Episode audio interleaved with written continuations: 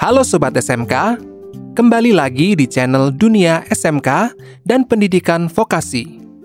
Kali ini, saya akan membahas tentang lima aspek perubahan kurikulum di SMK.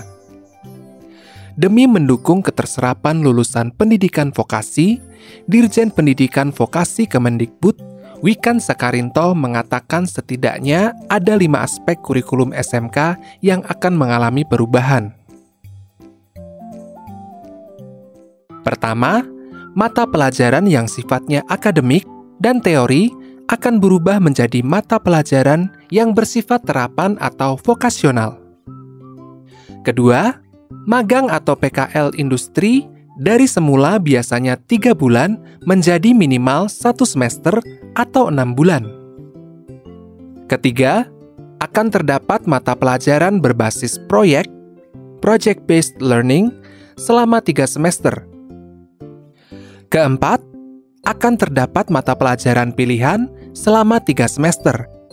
Misalnya saja, siswa jurusan mesin bisa mengambil mata pelajaran pemrograman Kelima, kokurikuler wajib di setiap semester bisa dalam bentuk pengabdian masyarakat atau kegiatan membangun desa.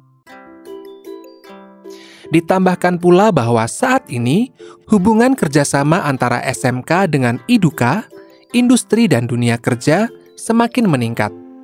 Hal tersebut dapat dilihat dari banyaknya kerjasama yang terbangun di tahun 2020. Harapannya, dengan perubahan tersebut, di tahun 2021 menjadi semakin bergairah dan positif.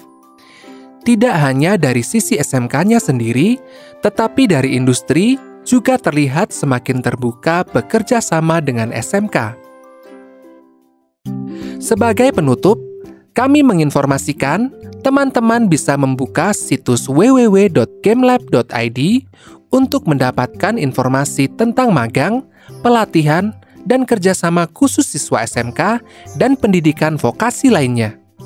Jangan lupa follow podcast ini. Sampai jumpa di episode berikutnya ya.